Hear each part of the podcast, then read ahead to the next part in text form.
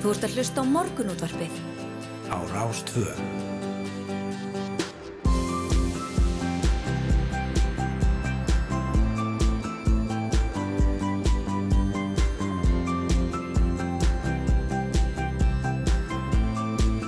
Morgunútvarpið Á Rástvö. Morgunútvarpið býður góðan dag, förstu daginn 25. mars. Klukkunum ættar tímyndir í sjö og eins og alla þessa viku þá er það yngvar Þórum Hulda Girstóttir sem verður hérna með ykkur til klukkan nýju. Þarna skreitir þú því með stólnum fjöðurum? Já, það er enda rétt. Ég, ég áttaði því um leið og ég saði þetta. Það sjálfsög var eh, já, Felix Bergson hérna Já. í gær. Hann kom inn inn aðeins í gæri Já. og, og alltaf gaman að þegar Felix kemur okkur, okkur til aðstóðar og, og, og Stórkurslegt að hlusta á ykkur. Já, segð alveg rólegur en þetta er búið að vera skemmtileg vika og við ætlum að enda hana líka á, skemmtilegan hátt með eh, fjölbreyttu efni Já, við ætlum að að vera svolítið í tónlistinni undir lok þáttar, við ætlum að fá til okkar hann Sindra Ástmásson, dagskrastjóra Iceland Airwaves, að heyra af hátíðinni sem á keiri í ganga nýju og svo ætlar hann Valdimár Guðmundsson söngvarinn góðkunni að kíkja til okkar í morgunkaffi um uh, hálf nýju leiti já, já. Og eftir átta fréttir á föstutöfum fyrir við fréttir vikunar með góðum gestum. Í þetta skiptið Guðmundi Stengrimsinni, fyrirvændi alþingismanni og Elisabetu Ingu Sigurðardóttur, fréttakun á stöð 2 Bilgjunni og Vísi. Og það hefur verið nóg að- gera síðustu daga. Það er ekkert láta átökunum í Úkrænu. Nú þegar mánuður er síðan austinni landið. Ríkið seldi stóran hluti í Íslandsbanka og þá kom í ljósa að Hildur Björstóttir leiðir sjálfstæðisflokkin í borgin í sveitarstjórnarkostningunum í vor. Þannig að það er bara spurning hvað komast yfir mikið með þeim. Já, já, þau verða hérna hjá okkur strax eftir áttafréttinnar og svo er það uh, húsnæðis stuðningur til hérna tekjuhestu Já, í nýri útækt Alþjóðsambands Íslands kemur fram að stjórnvöld hafa á síðust árum greipillir ráðstafana sem fart hafa beinan húsnæðstunum til hérna tekju hæstu í samfélaginu og þar segir að tilfærslan hafi meðal annars átt sér staði getnum skattfrálsa að ráðstöfun sérregnarspartnaðar til neyðugræslu húsnæðislána á sama tíma og markvist hefur verið dreig úr stuðningi gegnum vakstabótakerfið og við ætlum að ræða við Arnald Sölva Kristjánsson, hagfræðing ASI um niðurstöður þessarar útæktar. Já, svo spyrjum við stóra spurninga eins og það hvað myndi kosta að losa öll börn á Íslandi undan fjáraságjum og af hverju eru börn rukkuð fyrir leikskóla, skólamáltíðir, tónlistanám og frístundir. Þessu verður velt upp á málþingi velferðarsjós barna sem framfyrir á morgun undir yfirskriftinni höfum við efni á barnafátakt og þar á að kynna skýslu um ójöfnu meðal íslenskra barna og bóði verður upp á pallbordsumræður þar sem meðal annars bæði fórsætisráðherra og borgarstjóri taka þátt og þau koma til okkar klukkan halv átta tinna Lauvi Áskistóttir prófessor og Kári Stefánsson sem er stjórnaformaða velferðarsjóðs barna og mun stýra pallborðinu og þau ætla að segja okkur aðeins meira af þessu. Já, einmitt. En í byrjun þáttar ætlum við e, vestur, en Ísafjörðabær og Íþróttafélagi vestri hafa undirritað vilja yfir lýsingu vegna byggingar fjölnota Íþróttahús á Ísafjörði en gert er á fyrir að heildar kostnar við verkið verða byrjunu 550 til 650 miljónir króna. Og í yfirlýsingunni kemur fram að bygging knatt hús muni skipta íþróttarhefingun á svæðinu gríðarlega miklu máli og að öllum sé ljósta núvarandi aðstæða sé ekki við unandi og við ætlum að ræða þessi áform og íþrótta aðstöðuna á vestfjörðum við Guðfunnu Reyðastóttur hún er formaður vestra. Já, hún verður á línunni hjá okkur hérna á eftir. En uh, við erum með blöðin í dag, uh, fréttablaðið og morgunblaðið komin í hús. og á fórsíðu fréttablaðsins er uh, mynd af uh, þjóðarleðtugum hér og, og uh, frangatastjóra NATO, að tala saman á, á fundi í, í Brussel í gær. Við sáum auðvitað í fréttum að, að fórsættisráð þeirra var þarna líka og það er líka aðal fréttin á fórsíðu fréttablasins og segir hér þjóðarleituar kjósa járntjald í stað styrjaldar og leituar G7 aðaldaríkja NATO og ESB auka stuðningu í Úkrænu í formi hergagna og mannúðaraðstóðar og setja aukin kraft í refsi aðgerir gegn Rúslandi. En þarna komu 37 þjóðarleituar saman til þessa tímamóta fundar í Brussel. Já, einmitt Það er en alltaf líka fjallað um þennan tímamóta fund hér á fórsíðu morgunblassin sem er nokkað kannski að, að, að, að lýsa aðeins þessari mynd sem er hér á fórsíðu blassins og, og kannski svona hérna e, já, er svona merkjum vorið og, og sumar en, en hér er mynd af, af Ísbúðinni Valdís og fyrirsögnin er Ísbúðirnar, byrg, byrgja sig upp fyrir komandi sólartíð. Ah, Það er ekki löst að veður gerdagsins hafi blásið höfuborgarbúum von í brjóstum að vorið sé á næstu gröðsum og sólarglætur í borginni kalla ávalt á stóröknar heimsóttinni í Ísbúðir borgarinnar og það vissara fyrir Ísbúðirnar að vera undirbúnar og byrgja sig vel upp mm. og landin veit þó betur en svo að búið sér ekki einnig undir páskarhettið sem hinga til hefur sjálfnansveikið segir hér á fórsíða morgunblassins en hér er mynd af eh, já, manni verið að flytja eh, ís í eh, ísbúðina Valdís. Það er samt mín upplifun að, að Íslendingar kaupa sér ís og fara í ísbúður allan ásinsring alveg samkvæmdu veðri er auðvitað er mest að gera kannski þegar að gegja viður en það hefur Já, aldrei hindra mann að fá sér ís þó að sé nei, nei. nokkra stöð frost. Og jafnvel að býða úti í röð eftir ísnum Já, segðu, það er ímislegt, ímislegt lagt á sig. Á síðu tvö er, er mynd af Páli Óskari og, og hans fólki, eh, langþráð Pallaball segir hér í fyrirsögn. Hann er náttúrulega búin að býða í, í hvað, einhverju tvö ár með að, halda ammælistónleikana sína. Já, Nú er hann orðin 50 pluss en uh, tónleikarnir er uh, skemmtilegir uh, fyrir því og, og það var sér sagt fyrstu tónleikarnir í gerkvöldi og verða svo áfram núna í kvöldu og morgun held ég. Og svo verið að segja hérna frá því að það sé verið að skoða það í Reykjanesbæ að bandariska fyrirtæki Almex USA og Reykjanesbær hafa samið um að skoða möguleikan á umhverfisvætni endurvinnslu á áli í Helguvík og Kjartamár Kjartansson bæjastjóri segir hér ef að þetta er það veruleika þá er því notast við notað ál sem fluttir því gegnum Helgavíkurhöfn og brætt upp.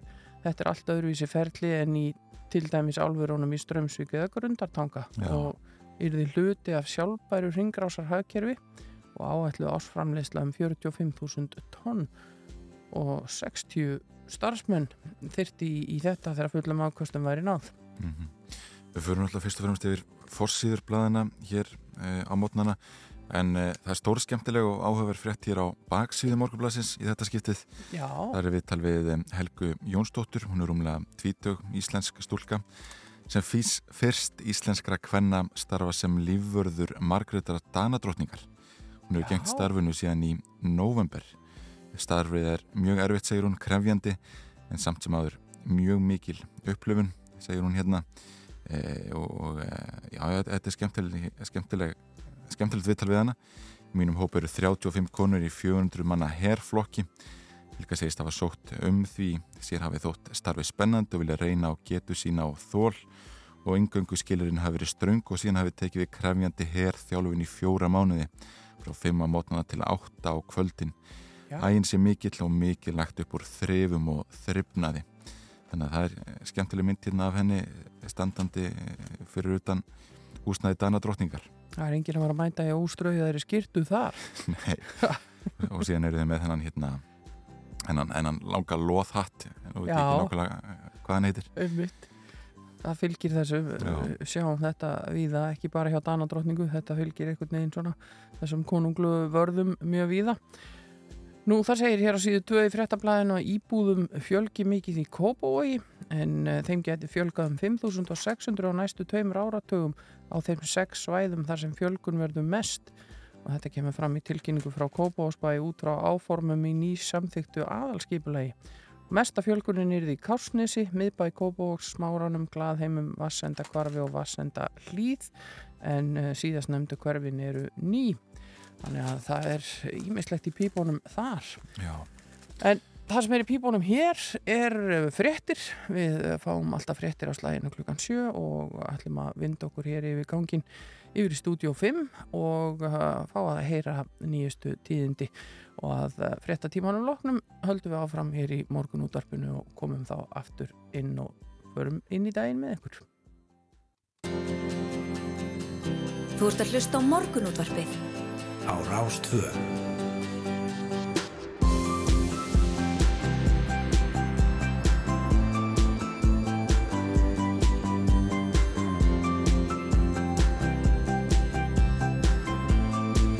Morgunútvarpið Á Rástfö. Við bjóðum góðan dag hér á Rástvö, Hulda Geistóttir og Yngvar Þór Björnsson heils ykkur í morgun útarpinu. Ímislegt á dasgrá hjá okkur í dag að venju. Við ætlum að heyra af Æsland Airwaves og já, plönum uh, fyrir næsta haust. Loksins stefnir í að hægt verða að halda alvöru hátíða nýju og svo fáum við Valdemar Guðmundsson til okkar í morgunkaffi um hálf nýju leitið. Við tölum um fréttir vikunar eftir áttafréttirnar Við ætlum aðeins að, að fá til okkar hagfræðing ASI til að ræða já, úttekt um uh, skattfrjálsa ráðstöfun sérregnarspartnar og ímislegt fleira það sem að svona, já, að svona vera velta upp því að, að hinn hin, hin er tekju hæst í samfélaginu hafi fengið beinan húsnæði stuðning út úr ímsum ráðstöfunum stjórnvalda.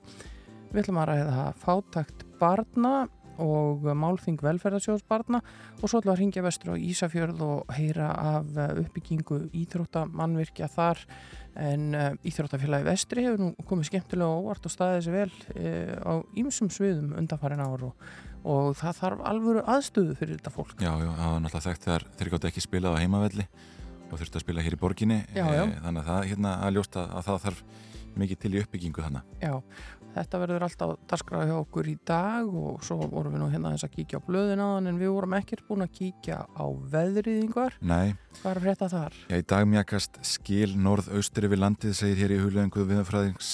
Þeim fylgja um austan og suðaustan 10 til 18 metrar á sekundu og slitta eða snjókoma en hægari vindur um landið austanvert víða vægt frost. Á suðvesturlandi verður hins vegar talsvert hlýra og rykning þar í öðrum landslutum hlánar ekki fyrir síðdeis eða í kvöld. Mm. Á morgun, ef við lítum aðeins á helgina, þá er söðvestan og sunnan strekkingur eða allkvass vindur, kvassast í vindstrengjum Norralands. Væta við um land, samfelt rigning eða súld sunnan til á landinu en annar staðar verður úrkoman slitróttari. Líti veðri hitti fyrir líkla allvíða yfir tíu stygg á norður og austurlandi því ber nú að fagna held ég. Já. Og á sunnundags nýst svo í norðan kalda eða stinningskalda með lítisáttari jæljum og vægu frosti en sunnan heiða verður yfirleitt þurft og hitti 2-7 stygg. Já. Þannig að það er, eh, já það er svona blöytt um helgina en ágætlega hlýtt. Já. Nú á veðvegagerðarinnar kemur fram svona í heildar yfirliti að vetrafæri sé víða um land þá síst á söður og söðausturlandi og svo er bent á það að Krísuvíkuvegur er lokaður vegna kvikmyndatöku á svæðinu og það verður sem sagt lokað í dag á morgun og svo mánudag og þriðjudag. Þannig að um, það er eitthvað spennandum að vera. Og á Vesturlandi er snjóþekja hálka hálkublettir á nokkrum leiðum helst á fjallvegum, það er þæfingur á Brattabrekku og hólur hafa myndast víðar. Nú svo er það um, þetta slæma vegi við borð vestfjaraðvegar í dölunum og á borgarfjörðabraut kemur fram að um, það þurfi vegna að ræsa skemdar að loka veginum millir Árdals og Skeljabrekku í dag frá klukka 9 til 1 á meðan að viðgerð fyrir fram og bendir á hjáleiðum kvítárvallaveg á meðan. Nú vestur á fjörðum er snjóþekja hálka eða hálkublettir á vegum og vegfærandum bent á að nota vetrarveg Bæjardals á í Reykjóla repp og vegurinn um þröskulda er ófær og beðið með mókstur til hádegis vegur um Dinjandis heiði lokaður aðtúað með opnun eftir helgi. Og uh, vegurinn um Stengriðsfjörðar heiði er ófær og beðið með mókstur til hádegis. Á Norðurlandi er snjóþekja hálka eða hálkublettir á nokkrum leiðum, uh, það sama á við um Norðausturland. Og á Austurlandi er víða hálka eða hálkublettir og reyndir á uh, við veg í Áltafyrði, Hamasfyrði og Berufyrði og vegfærandu kvartir til að aka með gát. Mm -hmm. og það er stemt að opna vegin um öksi um hátegispil og það eru líka ábendingar um hreindir í Jökuldal eins og verið hefur undafarið og svo að við færum okkur yfir á Suðurland þá er þar hálkaða hálkublettir nokkuð víða og einhver jæljagangur en greiðfært að mestu austan þjórsár. Og það eru blessaðar hólunar þar líka þannig að, að fólk þarf að hafa þetta í huga Já, já, mikið lakað til þau þurfum ekki að lesa hérna mótni snúþekja hálka eða hálkublettir á vegum. Það er alltaf gott þegar við getum bara hægt eiginlega að kíkja á vefsíðu gera þennar. En við erum þakklátt fyrir þær upplýsingar sem við fáum þar á meðan við þurfum á þeim að, halda. En uh, við ætlum að fara yfir í fyrsta lagdagsins og þar ætlum við að fá þessa stór skemmtilegu útgáfu hljómsveitarinnar, eh, já það er Guðskus og Vög sem saminast í, í sinni útgáfu af læginu Is It True? Þetta er, kom til í kringum söngakefnina sjálfsögðu og nú er allt komið á fullt að undirbúa þáttöku okkar í Eurovision í mæ þar er að stýttast í það líka. En við skulum heyra Is it true? You say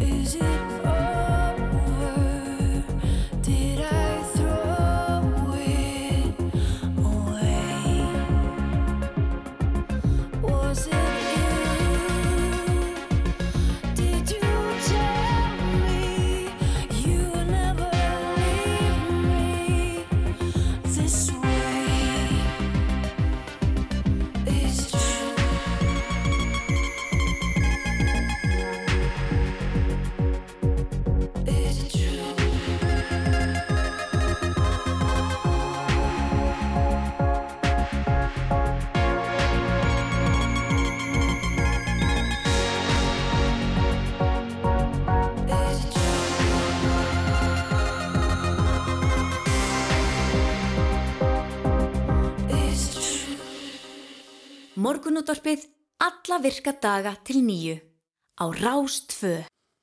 Jú, jú, við erum hér saman, uh, Hulda og Yngvar og erum búin að vera glögg aðeins meir í blöðin og þú staldraðir uh, þarna við fréttingvar. Já, einhvað sem margir velta oft fyrir sér held ég en umbóðsmaður barna hefur byggðað til mentamálar á þeirra um að láta banna píppróf eða píptest í Mhm. grunnskólum. Þetta eru þessi þól og, og hlaupapróf sem eru framkvæmt þannig að nefnundur hlaupa fram og tilbaka í, í íþróttasal skólans þar sem tíminn milli lota er stöðt stittur og uh, þeir sem ná ekki að hlaupa salin og enda verður að setjast niður og fylgjast með þar til einn eh, stendur eftir að, eða einn er áfram hlaupandi Þannig en, en umbóðsmaður barna segir hérna að dæmi séum að börn hafi ofrend sig í ákafa um að reyna að standa sér vel í þessum prófum og mörg börn upplifi vanlíðan og kvíða mhm. fyrir umrættum prófum á meðan á þeim stendur. Þá er það niðurlæging þegar þau detta út í viður vist skólafélagi sinna Þannig að e, það er Salfur Nordal með umbóðsmaða barna sem hefur sendt þetta til ásmyndar Einars Daðarssonar. Já, þetta hefur lengi verið í umræðinu og ég hef oft hýrt krakka tala um þetta. Já. Að, að, þau eru ekki, ekki mjög spennt fyrir þessu. Uh, Jafnvel þó að þeim gangi alveg vel. Þetta er bara einhvern veginn svona uppsetningin og fyrirkomulagi sem að mörgum finnst streytuvaldandi og, og erfitt en það er eins og við segjum umbóðsmaða barna er einmitt með puttan á púlsunum og fylgjast með þeim málum sem að, sem að varða hagsmunni barnana. Já, já, einmitt, það kemur hérna fram að, að þetta, að þessi aðferð gangi þvert á, á markmið aðalnámskrárum að, styrkja sjálfsmynd barna og hvetja þau til markvissar reyfingar og þáttöku. Já. Þetta er kannski hérna reyfing sem fáir hafa áhuga á. Já, það má kannski segja það. Það hlaupa íþróttasalinn fram og tilbaka eh, með pípljóð. Já, undir pressu. Já. En við ætlum að ringja vestur uh, eftir smá stundu, við ætlum að heyri inn í Guðfunnu Hreðarstóttur um uh, uh, nýja viljayfylýsingu vegna bygginga fjölnóta íþróttahús á Ísafyrði. Við ætlum að heyra aðeins af þessum plönum en á leiðinni þangað er það Elvis Costello sem að byður um að verða ekki miskilinn í læginu Don't Let Me Be Misunderstood.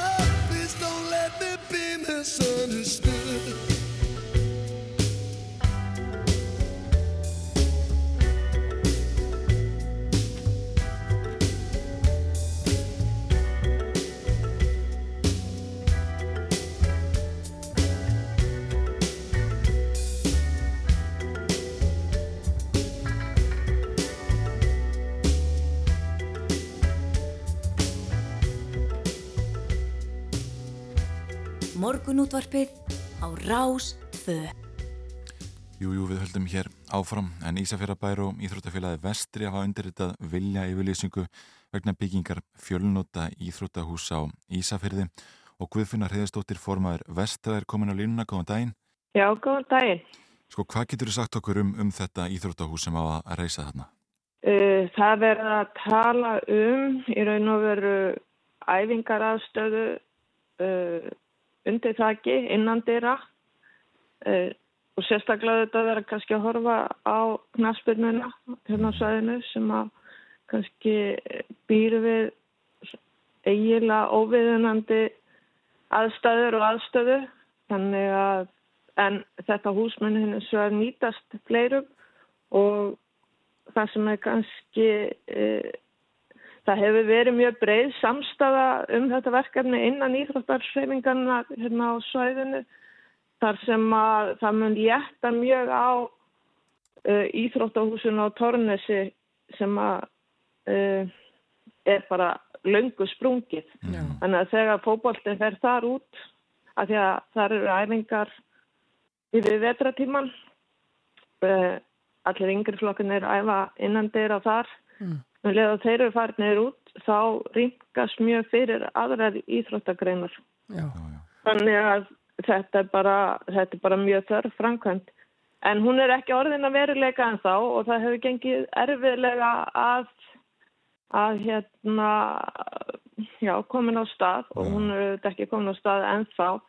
Verkefnið hefur tvisasunum verið bóðið út á undarförnum árum á þess að hafa nokkuð komið út úr því og nú er svona þessi vilja yfirlýsing, hún er vonandi skrefið þá átt að, að hérna, reyna að finna einhverja leiði til þess að klára að byggja þetta maður myrki. Já.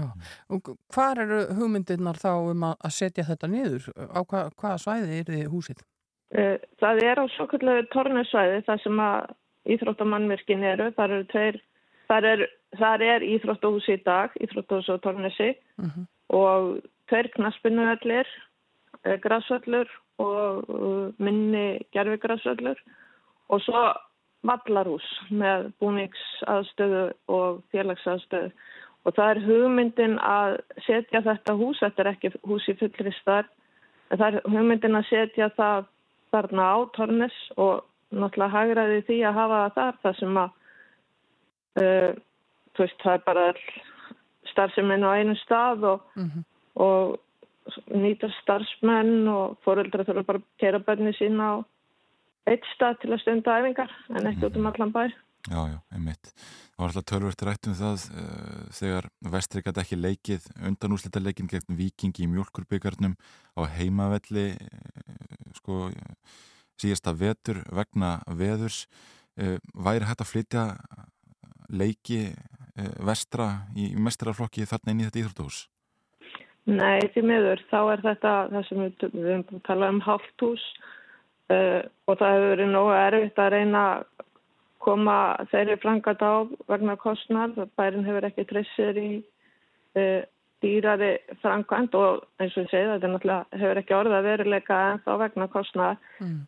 Þannig að heilt hús hefur aldrei verið inn í myndinni uh, og svo er, er það bara líka þannig að það er í raun og veru hvergi til lóð undir heilt hús. Það þyrfti í raun og veru að búa til lóð og þá erum við að tala um sko landfyllingu. Já. Þannig að það er ekki raunhafi kostur í dag. Þannig að þetta hús er fyrst og fremst hugsa sem æfingaðasta og vantarlega geta yngri flokkar keftar, þar sem eru uh, hérna lefið minni vellir. Mhm. En, en það er hitt brína verkefnið eru þetta uh, úrbætur á, gerfi, á stóra græsvellinu sem hefur verið vandamál og það er bara það er alveg jafnbyggt verkefni að, að laga hann. Það þarf að fara mikla jarðvegsframkvæmdir og svo eru held ég allir sammála um það að setja gerfigræs á hann. Þannig að þetta mun ekki þessi framkvæmd bygging á þessu húsi, hún breytir ekki þessu aðstöðuleysi varandi sko keppni og æfinga fyrir sem sagt á fullum velli. Og það er bara þannig að þessi græsvallur, hann er bara ekkert notaður, það er bara, ekki, það er bara að vera að spara hann eins og hægt er því að hann þólir ekkert álag. Meistaraflokkurinn og meistaraflokkurinn þeir æfa út í Bólungavík á græsvalli þar. Og hann er svona bara sparið sko, það er bara þeir eru heimaleikir, ef aðstæði leifa þá er keft á, á græsvallinum Já. og þetta var náttúrulega mjög dapurlegt að þurfa að flytja hennan undan og slita leik suður. Náttúrulega þetta er gaman fyrir samfélagið þegar að Já.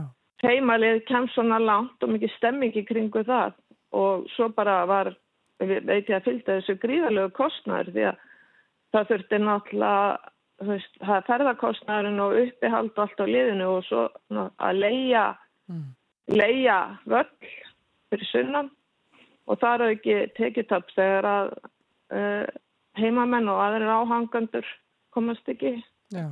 Á leikin. Já, ég held meira að segja sko að, að við vikingar að því ég er nú þeim megin höfum alveg fundið til með vestra og, og, og ég held að það, ég, það skilji það allir að auðvitað hefur verið alveg óbúrslega gaman að fá að spila þennan leik fyrir vestan og, og með ykkar fólki en árangurinn uh, mjög aðtiklisverður og frábær enga síður og það hefur vakið aðtikli bæði þessi árangur í knaspundunni en svo eru þið líka með mjög hérna, öflugt körfbóltafólk.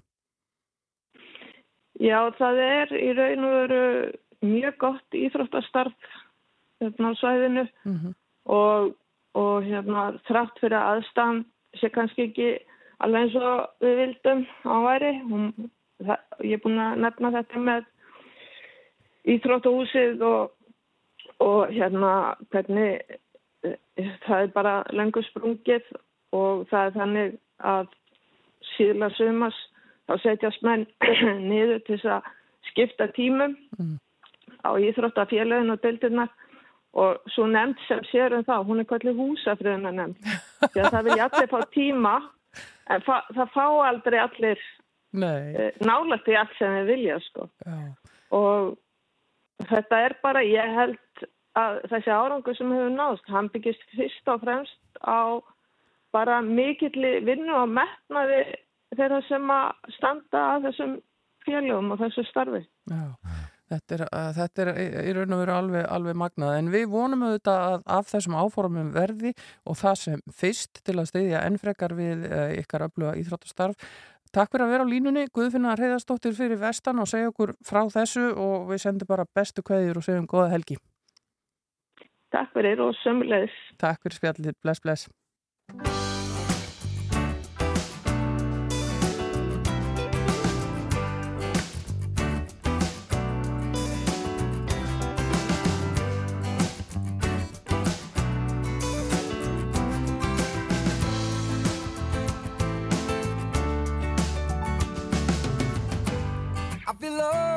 And alone the moment you're gone.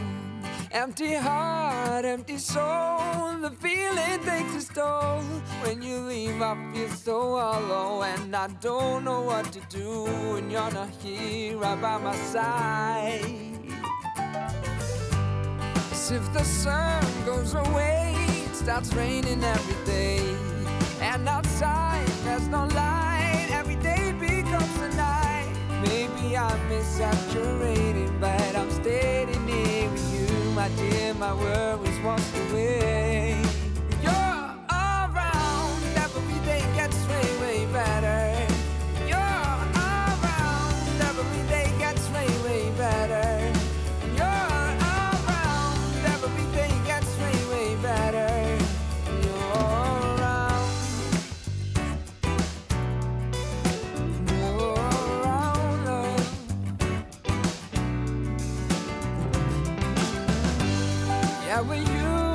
You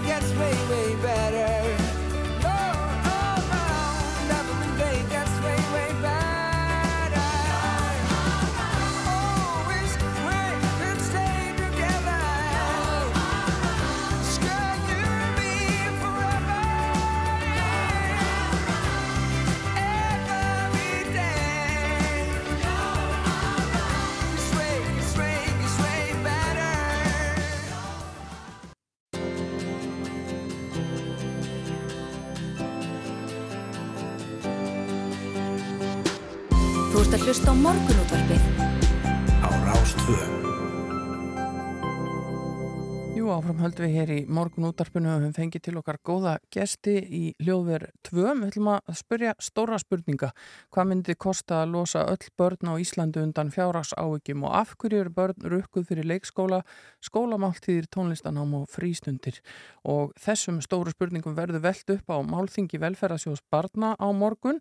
Undir yfirskriftinni höfum við efni á barna fátækt og þar verður meðal annars kynnt skýsla um ójöfnum meðal íslenskra barna og bóðið upp á pallborsumræður þar sem bæði fósættisáður og borgarstjóri taka þátt. Og þau eru komin til okkar, Tinna Lauvi Áskistóttir profesor og Kári Stefánsson sem er stjórnarformaður velferðarsjóðs barna.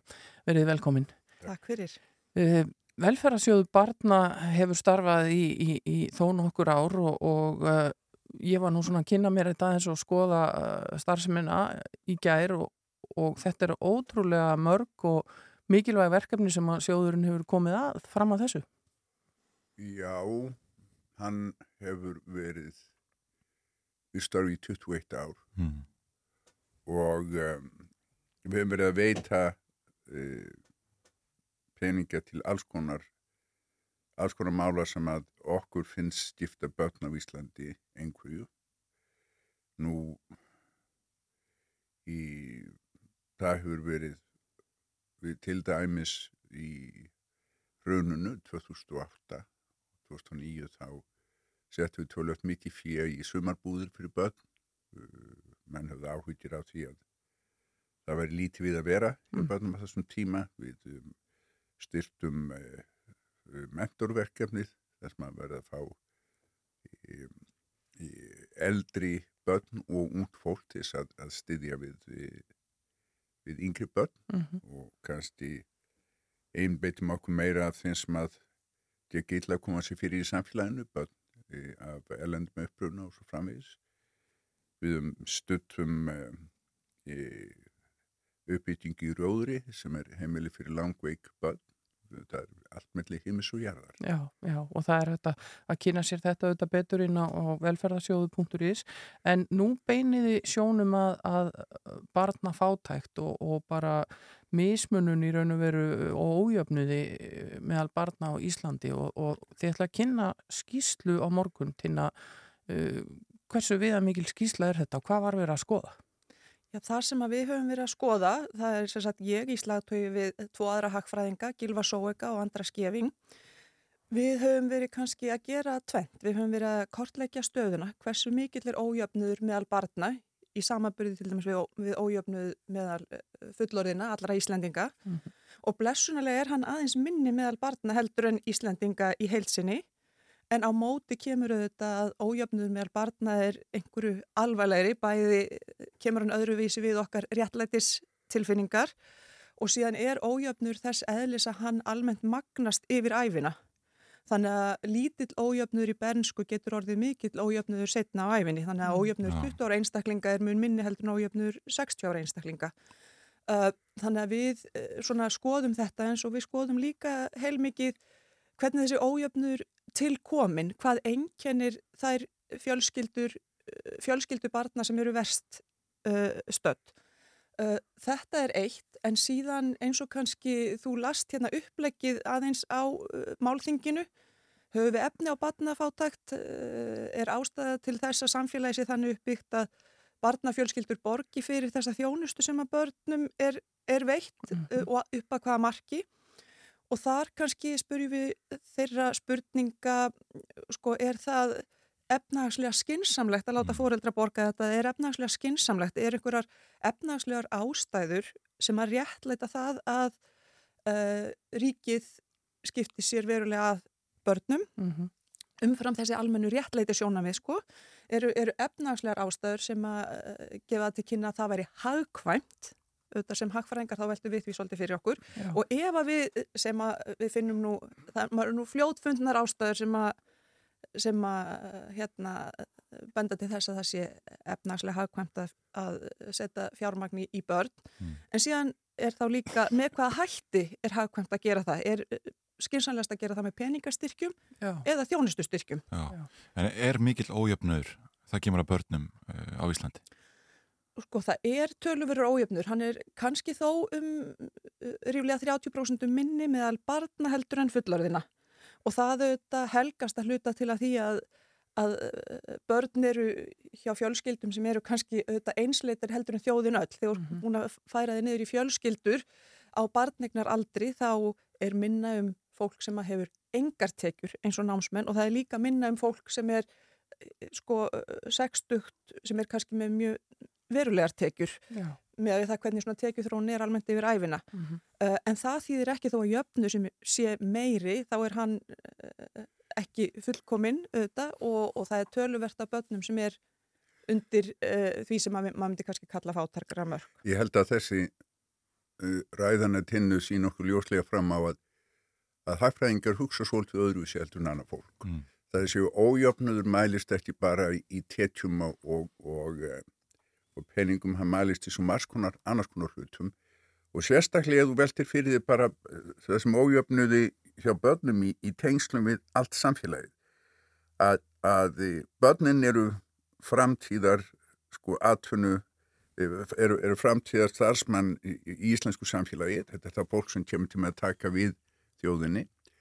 Og það er gífurlega mikilvægt fyrir samfélagið að fá eins mikið út úr hverju meistaklingi eins og hægt er. Gefa öllum jöfn tækifæri og það er þessi jöfnu tækifæri sem ég held að, að réttlættiskrafan sko mm -hmm.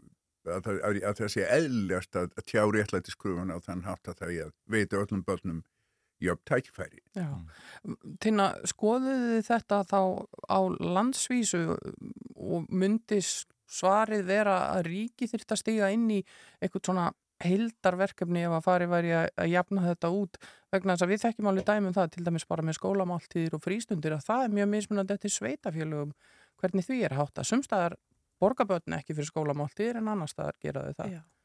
Það er alveg rétt og þess vegna er það sem að mér er kannski svo, svo spennandi við þetta málþing er að þarna er svolítið blandaður hópu sem kemur fram, saman það kemur þarna fólk sem að ég er kannski hluti af þeim hópi og, og Kolbeitt Stefánsson er þarna annar aðili við erum fólk úr háskólasamfélaginu sem kannski einbyttum okkur að því að reyna að skilja vandan og, og greinan. En síðan er þarna stjórnmálamenn bæði sem starfa á landsvísu og á, á sveitastjórnastíginu og síðan er líka fólk sem starfar úti í samfélaginu við að reyna að vinna þessu einhverju vinna einhverju marki að því að lagfæra stöðuna í gegnum bara starf, annars, annars konar starf ekki á vegum hins ofinbera þannig að þetta er svona held ég skemmtileg blanda af þeim sem að eiga hafa einsýn í hafa þetta, einsýn Já, í já, þetta. Já, já.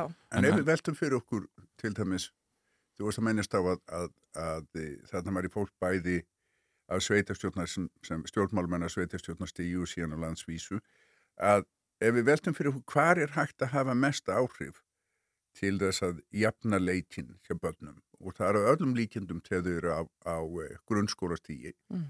En grunnskólanir eru í, á herðum sveitafélagana og ef þú horfir bara á höfuborgarsvæðið og skoðar grunnskólana í, á Sjálfhjartanes í Garðabæ í Breitholti og svo framvegis að það er gífurlegu munur af gæðum þessara skóla og e, í, ef, ef, ef það ætti að ef hugmyndi væri svo að reyna að ná einhvers konar réttlægt í þessu eða jafna leikin þá verði eðlilegast að koma þessum skólum yfir á ríkið frekar en sveitafélag þannig að það verði hægt að hafa einhvers konar samnefnara Já, einmitt. Við þekkjum náttúrulega einhver dæmi um það að, að sumar fjölskyldur eigi ekki nóg fyrir frístundum og jafnvel skólamáltíðum.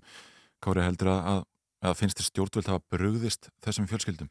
Ég ekkert stjórnvöld, það er bara við sem samfélag. Mm. Það er að segja, til dæmis í Reykjavík er, er öllum, fjall, fjallar öll umræðanum einhverja borgarlínu frekar í- en frekar en að bæta, bæta uh, grunnskólana. Mm. Ef ég man rétt einhvern tíðan þá ákvað núverandi borgarstjóri að það ætti að hlú- hlúað fólk upp í Breitholt og hvernig var það gert? Með því að mála myndir eftir erró á, á blokkum upp í efra Breitholti. Mhm. Og þar eru, eru leikskóla til dæmis þar sem börn eru heilu ára og eftir í málfróska með við meðaltal í samfélaginu. En það er ekki gert í að, að, að hlúa því. Mm. En þetta málþing, uh, það er á, á dasgrá á morgun. Uh, Er þetta bæði þannig að fólk geti mætt eða er þetta á netinu? Hvernig fyrir þetta fram? Fólk getur mætt. Það er, ég veit að það er aldrei frumlegt, það er aldrei nýtt, en fólk á að bara koma á staðinn Já. og setjast niður. Og hvar og hvenar? Þetta er í húsi íslenskrar erðagreiningar klukkan e á milli 1 og 3 og það verða svona einhverjar eh, veitingar aðeins í bóði fyrir þannig að það er um að gera fyrir fólk að mæta tímanlega. Já, og, og hvað á svo að gera með þessa skýslu? Nú er búið að vinna hana, hún verið kynnt á morgun og, og hvað tekur við? Þetta er hluta baráttu bara. Þetta er hluta því að, að reyna að komast að umræðu í íslensku samfélagi um hlustifti batna í samfélaginu og það vil svo til að við erum með sveitirstjórnarkostningar í vor og, og mest úrst er ég vonast til þess að, að, að málefni batna verður ofalega á lista yfir það sem verður rætt, verður teitist á um. Ég held að það sé full ástæða til þess að, að til dæmis að, að beina sjónum að, að grunnskólum í þessum sveitafélagum ef, ef þú, ef þið tætti alþjóðlega mæli hvarða á það hvernig okkur gengur að menta börn á Íslandi þá erum við tiltölulega langt á eftir. Já, það er af nú að taka og margt að ræða uh, mjög áhugavert og á dagskrá á morgun í húsi Íslenskar erðagreiningar klukkan eitt. Takk fyrir að koma til okkar og segja okkur frá þessu tina Laufi Áskistóttir og Kári Stefánsson og gangi ykkur vel með þetta. Takk fyrir. Hvað er hann?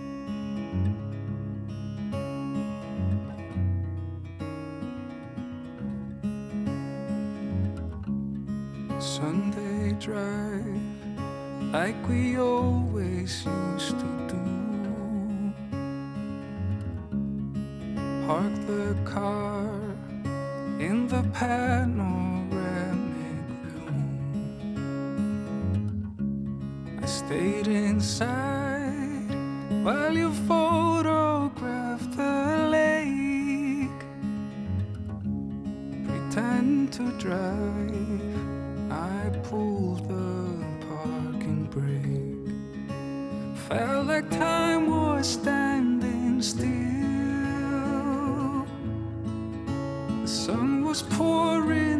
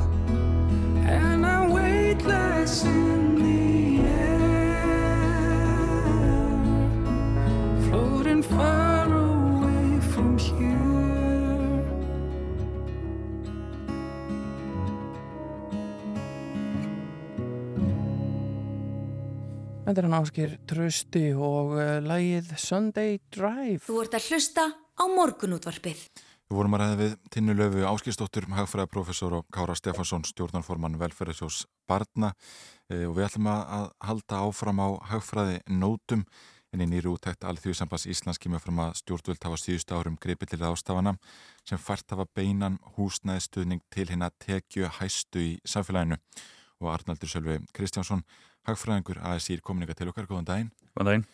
Þið talið sko í þessar skýrslega um það að, að húsnæðistuðningurinn hafi eh, sko kannski best hjálpað þeim tekju hæstu, hvernig þá? E, já, það sem að hefur gest á, á svona síðustu tíu árum cirka er að það hefur gerð breyting á því hvernig hefur ofnbæra stiður uh, fólk á fastegnamarkaðurum með, með beinum hætti og, og bæði beinum og beinum hætti. Þannig að vera að færa sig úr, úr sagt, uh, vakstabót og það var því kemst næst meðvitað ákvörun minga það kerfi og færa sig yfir í önnur kerfi. Þar mann stoppframlög hlutdeltalán og, og þessa skattfrásir áðstöfun inn á, á, á fastegnarlán um, og ef við skoðum þessa skattfrásar áðstöfun á fastegnarlán þá er þetta svo sem, uh, sem þá tekur í sérregnarsparn þá getur greitt inn á, inn á lánið þitt mm. uh, en þú sleppur við að greiða skattin af því þannig að það er svo sem í rauninu einhvers konar uh, ívilun sem hættir að meta til fjár Eh, þó svo sem þessi, þessi skattfrelsi eh, hefur engin áhrif á, á ríkisjóð eða sveitafjörlu núna heldur ykkur tíman í framtíðinni þegar að fólk hefur svo, fer svo á, á eftirlaun já, já. þannig að það er verið að veikja eh, tekjustofna ríkis og sveitafjörla þegar að fólk fer inn á eh, eftirlaun.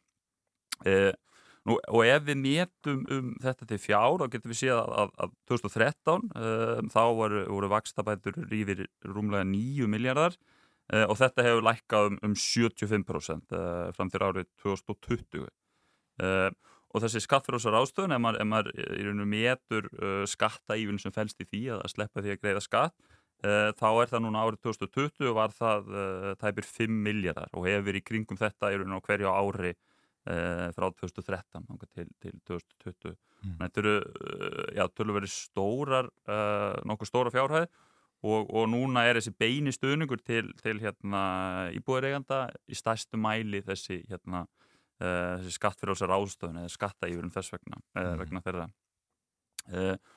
Uh, það sem að er, sko, vakstabætur eru, eru tekið eignatengdar og eru þetta stýra því nokkur neginn hvaða hópar fá vakstabætur. Um, og ef við skoðum gögnin þá fara vakstabætunar í, í, í stórum, stærstum æli til fólks uh, undir færtugs og, og fólks með, með meðal og, og læri tekjur tekjuhæstu fáirunum mjög lítið sem ekkert í, í, í vakstabætur. Mm -hmm. eh, Skattverðsrástöðun fer náttúrulega bara eftir því hverjir nýta sér hann og hverjir eru með, með viðbútar eh, lífeyrispartnað. Mm. Og því hæri laun, eh, því, því meiri stöðningur þar? Já, áhverjað. Ja. Uh, það er svo sem þak en, en, en svo fer það áhverjað, uh, fer það bara eftir hverju hver nýta sér það og, og gögnin stýna það alveg ótvírætt að öll árin eru það fyrir allra tekjuhæstu sem, sem nýta sér mest.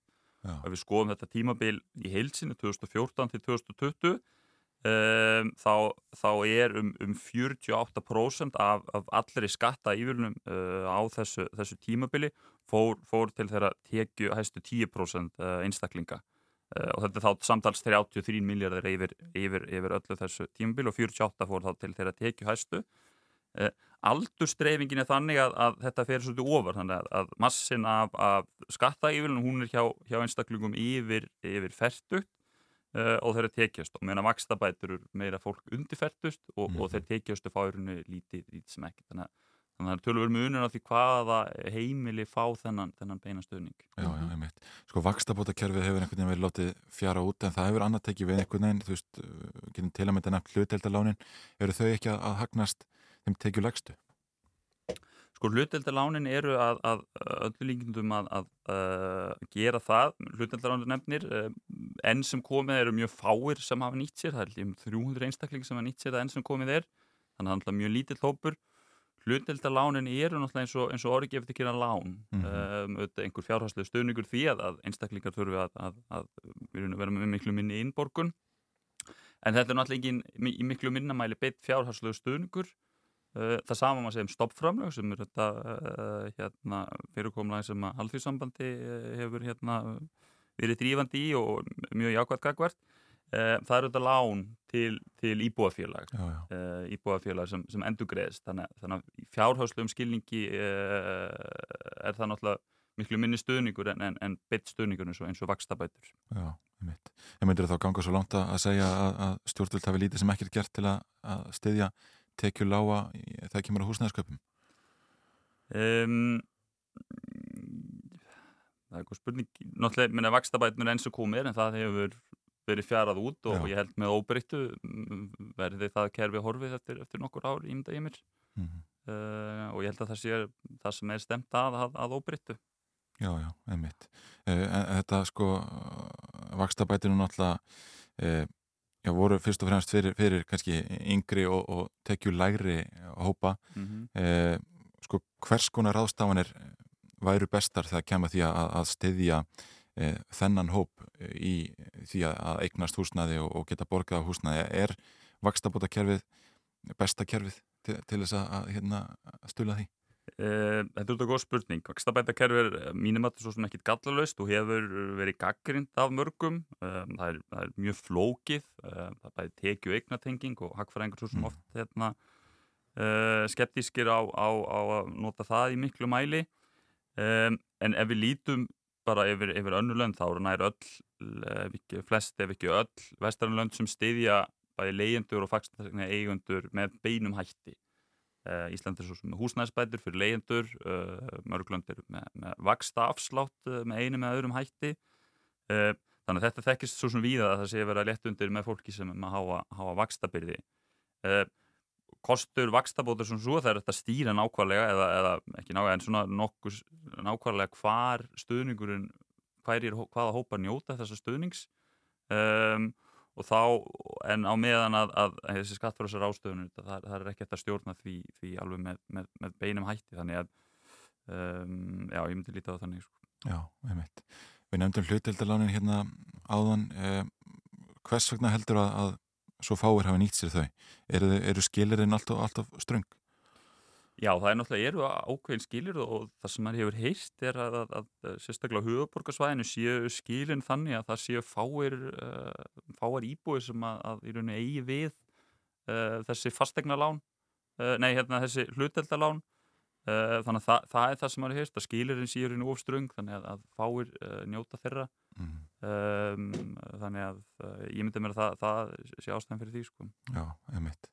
Eh, það er náttúrulega tölvöld rætt um, um húsnæðismarkaðin þessa dagana og, og, og kannski líka sérstaklega núna í aðdraranda kostninga. Eh, sko að ég spyrði bara svona, hvernig metur þú stöðun á húsnæðismarkaði eins og stendur? Heldur við höldum áfram að sjá svona miklar hækkanir eins og við höfum séð eh, síðustu ár og, og kannski sérstaklega mánuði? Um, já, þetta er uh, góð spurning. Við höfum séð töluverðar hækkanir uh, síðasta árið rúmlega og nú hafa vexti náttúrulega hækkað þannig að maður hefði haldið að, að bara eftirspurn eftir húsnæði myndi eitthvað að minka og, og, og drægi úr húsnæðisverðshækkunum. Um, þó ég ætla nú ekki kannski að fara að spá mikið um það. En, en það sem hefur gest svo sem ofta á síðustu áratugum að það eru mjög skyndilegar og mikla sveiflur á eftirspurnarliðinni. Það eru þessar miklu vakstaðlækkanir Sæðlabankans í, Mhm. í COVID-faraldrinum það voru aðgerið fyrir fjármálarhrun sem, sem að auðvelduðu fólki að fá lán. Uh, það var mikill ströymur ferðamanna hingað uh, sem við þekktum, sem náttúrulega jók miklu eftirspurn eftir, eftir, eftir húsnæði. Nú, og ef að ferðamenn koma hér aftur í, í stórum stíl þá svo sem er hérna, hætt við að, að þessi þróun endur takki sig uh, aftur. Uh, þannig að það eru þetta um, þurfum að huga vel að því að, að, að hérna, passa að frambúiði fastegna og sérstaklega uh, hérna, uh, fastegna sem eru að hagstaða verði Mm -hmm. Einmitt, þetta er alltaf áhugavert uh, staðan á húsnæðismarkaði. Arnaldur Sölvi Kristjánsson, hagfræðingur ASI, takk fyrir að kíkja til okkar í morgunútarpið Takk fyrir Já, takk fyrir þetta og hér framundan eru áttafréttir á slæginu klukkan átta og þeim loknum ætlum við svo aðeins að spjalla um fréttir vikunar við þau Guðmund Stengrimsson og Elisabetu Ingu Siguradóttur og svo heldur fjörið áfram að því loknu en eins og ég sagði fyrst nokkra auðlýsingar og svo fréttir á slæginu klukkan átta. Þú ert að hlusta á morgunútvarpið. Á Rástvö.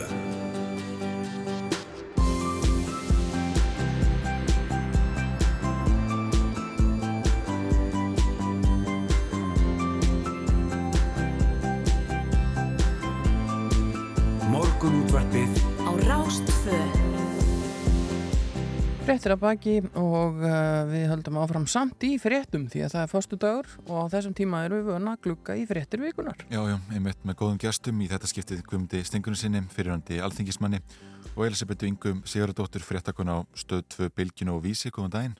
Góðan dag. Góðan daginn. Er alltaf af, af nú að taka í þetta skiptið nokkur langar að, að byrja í borginni, nýr ótviti sjálfstæðisflokksins Hildur Björnsdóttir, eh, já, fekk eh, undir helming atkvæða en, en leiðir sjálfstæðarsflokkin, eh, hún svona tilheri kannski frjálslindari og, og, og hvað getur við sagt, framsaknari hluta borgarstjórnarflokksins eh, þeir sem eru nált henni í skoðunum eh, kannski náðu ekki þeim árangri sem þeir sóttust eftir. Verður erfitt fyrir sjálfstæðarflokkinu borginni að, að skilgrina sig? Ég held það, ég held að þetta verði svolítið erfitt sér að lægi fyrir hildi, það sem hún er einmitt framsýn og framsækin og listin þar á eftir er svona íhaldsamari um, það, það voru skipta skoðanir um, og það er ólík sín á borgamálinn sérlega hjá öðru sætinu og fyrsta sætinu Ragnhildi Öldu og Hildi þannig að ég held að þetta getur erfitt en, en þeir segja báðar og, og Hildur segja viðtalið hjá mér um daginn og Marsta Guðvarsdóttir líka sem er, hefur verið talað um fyrir íhaldsum að, að stefnu Reykjavík og þings verði fyllt og það verði allir sammála en svo maður verður að sjá hvað gerist þegar að átökinn byrtast í rauninni eins og þeir yfirleitt í borgamálum. Mm -hmm. Já, ég held að allir myndu segja að loknu prókjöri að, að ég ætla að starfa saman. Já. það var ég fórlöld að segja eitthvað annað á þessum tímundi það er sko væri það mjög áhugaverði yfirlýsing. En, en sagan sýnir auðvitað sundraðan borgarstundarflokk og maður fæði svona tilfinninguna að, að, að jú, jú, Hildur, Hildur fær hérna kostningu seti en það er eins og hún sé ekki með flokk á bakvið sig sem að deili þá hennar hugsunum Já Það getur nú verið mjög erfitt að fara, að fara inn í kostningabortu þannig en það reynist öruglega mjög lúmst og erfitt viðreitnar sérstaklega líka sko, eftir kostningabortuna. Menn getur náttúrulega alltaf einhvern veginn sko, hópa sér saman og, og, og hérna fara í alls konar hópefli og svona fyrir, fyrir, fyrir kostningarna sjálfar og verið reynd að vera miklu vinnir. Mm. En svo byrjar bara uh, lífið eftir kostningar og maður hefur séð það í getnum tímina, tíman, getnum, getnum svona, já, tímana að hérna stjórnmálamenn þeir breytast mjög þegar kostningar eru búnar sko. Mm. uh, það er þekkt. já það er þekkt sko, maður ma sér þetta sko. Ég sé þetta í getnum tíðina. Já. að þá, þá bara er allt, allt annað allt annað upp á teinindum sko. Já. og þá getur þetta verið mjög erfitt. Að vera með runni, veist lið og bakvísi sem er bara allt annar skoðunar í, í mörgum helstu svona úrlösnarefnum sem blasa við í Reykjavík Já, já, einmitt. Getur ósamstíga sjálfstæðsflokkur um, skorað dag og félag á holm? Það var að forðan að sjá, hún er með háleit markmið, en svo séum maður líka, ég meina kostningabartinu var alltaf hafinn og maður sér að Einar Þósteds er að leiða framsókn og hann er alltaf innu samkvæmt skónakunum komið tvo menn inn en maður veit ekkert hvað hann stendur fyrir henni, hann er ekki búin að kynna sig, en þetta er svona, ég held að þetta verður mjög spennandi. Já, sko, hún, hún getur skorað dag og hólm, hún er, hún er búin að því og er að því og hérna, en, en hversu mikil innistæði fyrir því, sko, að annars vegar eru við með meiri hluta sem að er, verðist vera ganga til kostninga með það að markmiði að halda áfram því, því samstarfi, þannig að það er svona ákveðin blokk sem við myndast þarna, sem eru kjósendur og svona þeim, þeim vengstjórnmáluna velja hvað, hvert þeirra flokka þeir kjósa. En hinum megin er engin blokk Þannig að sko ef þetta ætti að vera, verða mjög spennandi mm -hmm. þá þyrtti það að koma önnu blokk og þetta þyrtti þá að vera keppni þessara blokka og það, það geti verið svolítið háski í þeirri Já. baróttu en meðan meðan það er engin önnu blokk þá er eiginlega lítil spenna í þessu finnst mér. Mm, ég meit, það er alltaf áhugavert sem Elisabeth segir að Var ekki áhugavert sem ég var? það sjálfsögði en, en sérstaklega sem hún segir já, já. Hérna, að, að Einar Þorsteinsson leiðir náttúrulega framstöndarflokkin inn í þessa kostningar e, mælist jafnvel með tvo menn inn en, en við veitum ekkit endilega nákvæmlega hvar framstöndarflokkurinn ætlar að staðsetja sig í þessum kostningum e, telliði að, að sjálfstæðsflokkurinn og framsótt gætu myndað blokk einhvern veginn Hina sem tegir sig aðeins til hæri Það væri helst það. Mm. en uh, okkur ætti einar að vilja það, ég veit það ekki. En framsókn er með svo förðulegt spil núna í íslenski pólitík en þess að þau hafa náð einhvern veginn að, að skapa sér fylgi á því að að vera óljós. Þetta er svona eins og svona einhvern tíma var maður að grínast með það að það þýrt að stofna svona flokk óákveðina menn þess að hann byggja alltaf svo hátt háa prósent í skoðanakonunum framsókn er svolítið þar.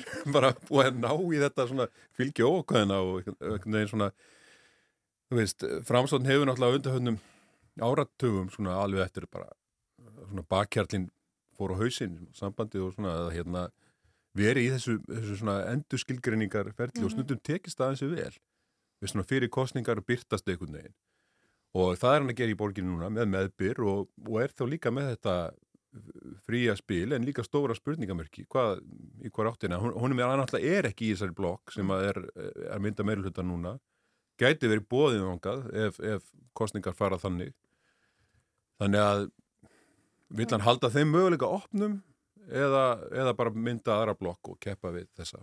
Við rest ekki líka svolítið svona millispil, valla tekst sjálfstæðisflokk og framsókn að gera þetta einn þá þarf einhver að koma til og er það ekki líklegast Svo er flokkur fólksins líka. Flokkur fólksins Sósialistar væntalega ekki en... En, en allavega í síðustu kostningum þá virtist enginn vilja með, vinna með sjálfstæðisflokknum mm. og þeir voru útlökar frá meiri luta og það er spurning hvort að framsókn vilja starfa með en það er svona eins og maður sér eini möguleiki sjálfstæðisflokksins í dag sko. Já, já. horfandi á síðustu kostningar sko. Já, já, einmitt. Það er alltaf áhugavert að, að spá í spilin hvað var sveitisjónarkostningar okkur langar að fara víðar hérna í fréttum vikunar eh, að ræða aðeins innrás og rúsa í Úkrænu nú þegar mánuður er, er, er liðin frá innrásinni. Eh, í gerðkomu leituður ríkustu þjóða á öflugustu eh, bandalægins vestrana heims saman í Brussel. Katrín Jakobsdóttir þar á meðal eh, og, og rættu stöðu mála sko, þannig að þetta verður tölvert rætt um, um, um Evrópusambandi í þessu samhengi og, og, og fleira þar framöndi göttum er, er samstæðan meðal vestarna þjóða meiri en, en þið kannski bjúkust við? Tja, já um, hún er hún er merkilega mikil. Og það eru þetta ánægilegt eða það er að tala um eða eitthvað sé ánægilegt í þessu í þessum hildarleiköllum en það er vissulega og það er líka sínir að, sko, það er það sé engins tilviljun að, að slík samstæða myndist. Það er bara það er að hefur verið að byggjast þér upp ógn og, og við sjáum núna að meina, sko, síðar í heimsturöldin var háðum þessi sömu gildi bara líðræði gegn allræði og einræði og, og fasisma. Við höfum talið okkur trúum hér að, og svona í þessum svona vestrannar lífstíl og í frjálsræði sem ríkir að, að, þetta, að það sé engin að fara að ógna þessum gildum og ekki Evrópu. En það er bara að gerast núna. Mm. og, og þá vaknar þetta svona rosalega. Þetta er bara svo lifandi í minningunni og fyrir okkur hér þá væri ágætt að velta fyrir sér skúti þegar við deildum um, um aðeldin að, að, að allarsasbandalæginu hér í 50 ár og farið í alls konar keflaðu ykkur göngurnar og hitt og þetta, þetta skipti þjóðinni. Nú er enginn í vafa virðist vera og það er meðalans út af því að nú hefur eitthvað gerst mm -hmm. og við værum ekki við þetta borð sem var í gær nema þess að við erum í NATO og þess vegna skil ég mjög vel líka af hverju fólk er að tala um Európusamötu og þar á meðal ég í Pistli í morgun réttablaðinu, þess að ég er núverandi pistlahöfundur, sko. núverandi fyrirverandi alþjóðlega, sko, en hérna, ég er ímislegt líka núverandi, sko, en hérna þá blasir við þegar það er svona mikil, mikil ógni, ekki bara stjórnmála fræðileg ógn og, og, og stríðsógn, heldur líka umhverjusógn mm -hmm. og svona, við hvað borð viljum við sitja? Við erum í NATO, ég held að við viljum líka sitja við borðið í Európa-sambandinu og held að þessi, þessi, þessi umræða vakna hér á landi sko. mm. Já, hún er einmitt komin í ganga aftur já. og eðlilega, ég menna þetta er það sem gerist þegar stafar ógnað okkur Já, já, einmitt mm -hmm. e, Þú náttúrulega starfar á fréttastofu e, stöða tvö bylginar og, og vísis e, ef fylgst með alltaf framöndið þessa máls alltaf þennan mánuð einhvern veginn alltaf stöðut rætt um þetta á allum kaffestofum en einn á fréttafundum líka hefur það komið þér óvart hversu langt rúsar hafa gengið? Nei, það er eiginlega ekkert sem kemur óvart lengur þegar við kemur þessu stríði. Það átti engin vona á að þetta myndi gerast en svo þegar einhvern veginn þetta gerðist þá átti maður heldur ekki vona að þetta myndi vara bara einhverja vikur eða daga og hérna, nei það er einhvern veginn allt hægt að, hægt að koma mér á óvart mm -hmm. og það er bara skjálfilegt einhvern veginn sem fyrir þetta maður þurfandi að fylgjast með öllum þessum myndböndum og þessari framvindið mm -hmm. að horfa á þetta. Mm -hmm. Sérstaklega Marjapól, þetta er algjör og ég mitt notað hennan vettvang sem við erum aðilar að og þeir mættu vera fleiri sem sagt til þess að koma okkar rætt á verðanfæri um, sko það kann líka vera sko einmitt þetta, þetta að, að, að hlutir eru hættir að koma mann á óvart. Það er eiginlega svona stóri lærdómur undanfærina ára. Og sko það var næst mest, bandaríkin voru þarna með Trump og, og það var ráðist á þinghúsi þar og, og það var svona, það eru einræðist tilbyrður í því landi. Og svo kemur heimsfaraldurinn og allt saman og alltaf hefur maður verið svona með, með undrunarsvip fastan á andlitunni yfir því bara hvað, hvað getur gest Mhm. og þá og það er, finnst mér einkenni á þessum tímum, það er bara beilins erfitt að semja skáldsögur en þess að veruleikin er svo miklu magnari einhvern veginn og súrjalískari og það er með því hugafæri sem maður horfið síðan á þetta stríð sko að maður, vist, allt í einu er bara að tala um kjarnakursprengjur og maður hugsa bara já, ok, það getur gest og maður er farin að skoða ykkur svona líkun frá Princeton háskóla. Maður er alltaf að lesa hérna fréttur sem er allt saman svona einn og hálfan til tvo tíma á dag og er ómögulegt að gera nokkuð annað og maður er farin að skoða ykkur svona líkun sem vísindamenn við, við Princeton háskóla hafi gert um það hvað gerist ef, ef kjarnokuvotnum er beitt. Og það er eitthvað svona líkan sem sýnir að 90 miljón manns drepast á líklega á einum klukkutíma. Um, líklegt að fyrsta sprenginni, fyrstu sprengju rússa er varpað yfir norðurhöfum til viðvörunar. Úps, þar eru við. Og svona þetta er allt í einu er þetta, ég man ekki eftir því að áður hafi verið að, spá í þessa hluti og svo eh, les maður líka greinar en það að það er til núna eitthvað svona rosalega lítil kjarnarkuvopp sem svona hérna, sprengja kannski bara 500.000 manns í einu. Uh, og þessi umræðu öll að hún sé bara aftur komin á daginn og svo les maður líka um það að, að sagt, þetta stríð er ekki bara eitthvað svona eh, tilfallandi pyrringur í Pútín heldur er þetta hluti af uh, að plani um endurreist rúsneskra yfirburða Mhm. á tiltletnu landsvæði í heiminum. Og úps, og þá bara höfum maður að hugsa ok, í hvaða veruld eru við allt í einu? Já, og það er ekki lengur fjárstæðukent að það verið hér kjarnorku árás og þetta er bara, og svo er maður núna að sjá svona afleðingarstriðsinn, svona mannlegar afleðingar, rúsar siti allir með þessum borgarmörk Mariupól og fólk er sveltur bara þar enni, börn eru að koma hingar þrjú búið tíur fylgdalaus, uh, og nú er áhyggjur af því að við landamæri að það sé hægt á mannsali, það er svo rosa margar svona afleiður sem að maður hræðist. Mm, ég veit. Já, og svona nú eru sögurnar að komast út eins og eh, komast út, úr, út fyrir borgamörk Mariupól til dæmis og bara bara það að reyna einhvern veginn að átta sig á því að það eru þarna núna 100.000 maður ekkert, eh, ekkert rafmagn, ekkert vatn, engan mat engan hita. Já. og það er tíu stiga frost þarna, og ennþá meira frost á nætundar bara þetta, að reyna átt að sjá þessu að reyna að ná utanum þetta er hérna er áskorun. Mm. Annars stort mál sem gerist í vikunni er að, að ríkið seldi stóran hluti í Íslandsbanka fyrir 52,5 miljard og einhverju gaggrindu þetta. Ragnar Þór eh, var í vitali á, á vísi til að mynda og, og var að líka svo við að selja sumarhús í eigu vaffera á 35 miljónir setjaði sölu eftir minnætti og verið búin að ganga frá sölun í fyrramálið áður en félagsmenn vakna eh, sko Það myndi þá að selja það til fagsumarhúsa Já, fa já einmitt, einmitt. Þetta átti að vera einhver svona leið til að fá fagfjárfesta og langtíma fjárfesta að borðinu. Eh, Elisabeth, hvernig blasir þessi sala við þér? Þetta kannski kom ekki óvart en, en svona aðferðina einhver leiti, voru ekki allir sáttum að hana? Nei, þetta er mjög áhugavert. Þetta er einhvern veginn gerist eh, svona sem almenna leikmaður horfandi á þetta í skjóli nætur og hann er einhverjur ákveðin ræðarlega sem komast á borðinu og, og það hefur verið gaggrind mjög og eins og Ragnar Þór og meðast raunar Ragnar Þór svo eini sem gæti útskýrt þetta mál á mannamáli þannig að fólk raunar skildi hvað var í gangi. En fjármálar þar hefur svarað þessu til að, að það hafi ekki bara verið markmið að fá sem hæsta verð heldur einhvern veginn að uh, sann fagfárfæstar eru líklegri til að liggja á brjóðunum að þeir droppiði mikið strax og svo framvegis. En þetta er mjög áhugavert vegna það er svona margt í þessu eins og Ragnar Þór bendir á. Ég skil reyði fólks og, og svona kannski áhyggjur. Já, en við fengum þær skýringar hér frá hagfræðingi meðal annars að, að það yrði að gera þetta svona uh, nánast í skjóli nætur vegna þess að annars geti þetta haft áhrif á markaðin og, og svo voru einmitt þessar skýringar með að það veri svona leita, verið að leita meira kannski af stærri fjárfestum og, og þeir vildi ekki hafa hvað var það, 400.000 manns á aðalfundinum mm. þú veist, það koma svona einhverjar svona praktiska skýringar á þessu en, en fyrir okkur leikmennina virkar þetta mjög sérstatt Þetta hljómar eitthvað svo undarlegt en, en eflaust, ég, meni, ég er ekki sérfræðingur í, í fjármálum og er bara svona almenni leikmar horfandi á þetta uh, frá mínum mögum þannig að hérna, eflaust er eitthvað skýringar þar að baki mm.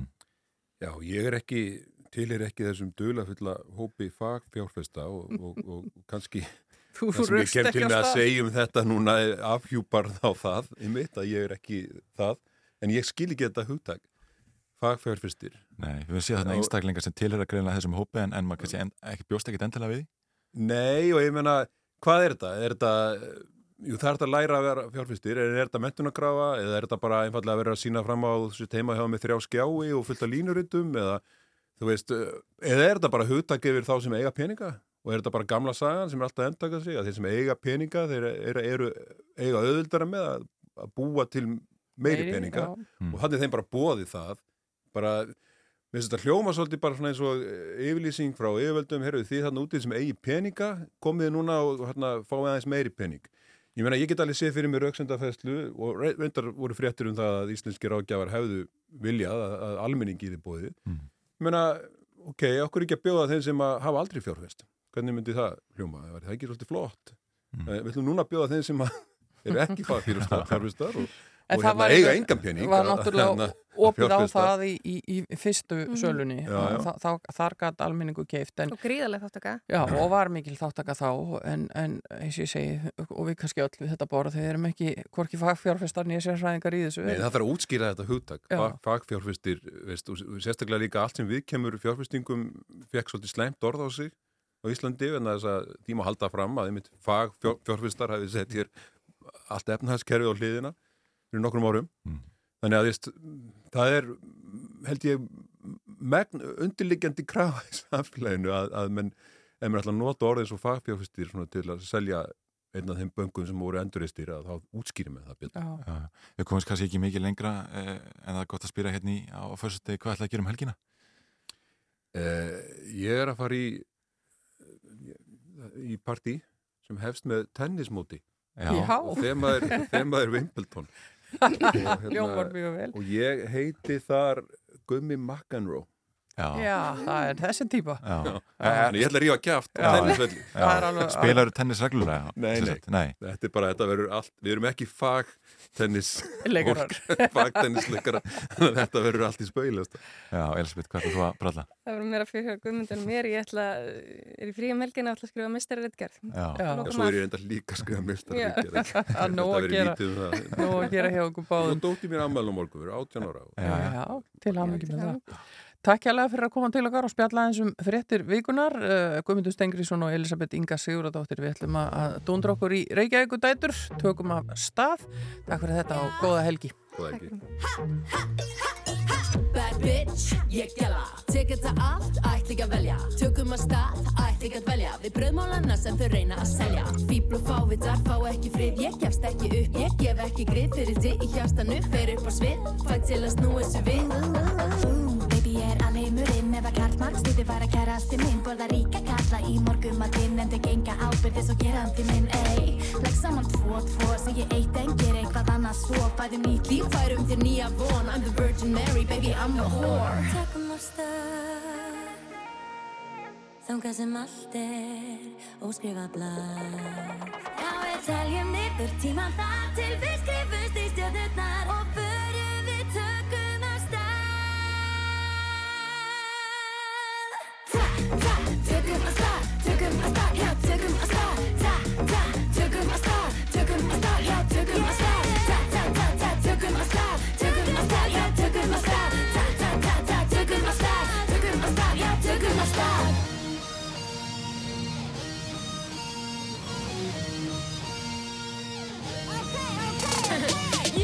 Ég fer upp að svið en mig langar til þó að eitthvað lið fríki Dætum ég vil hið fyllum dansskól við plassi er ekki á lítið? Hér er pláss fyrir drotninga, pláss fyrir fríkin Pláss fyrir hotness og pláss fyrir lítinn Pláss fyrir okkur sem tók allan skítinn Pláss fyrir það, pláss fyrir bítið. Þeir elska okkur einar En þeir hata okkur saman. Já, tökum á stað Eigum sviðið og tökum á stað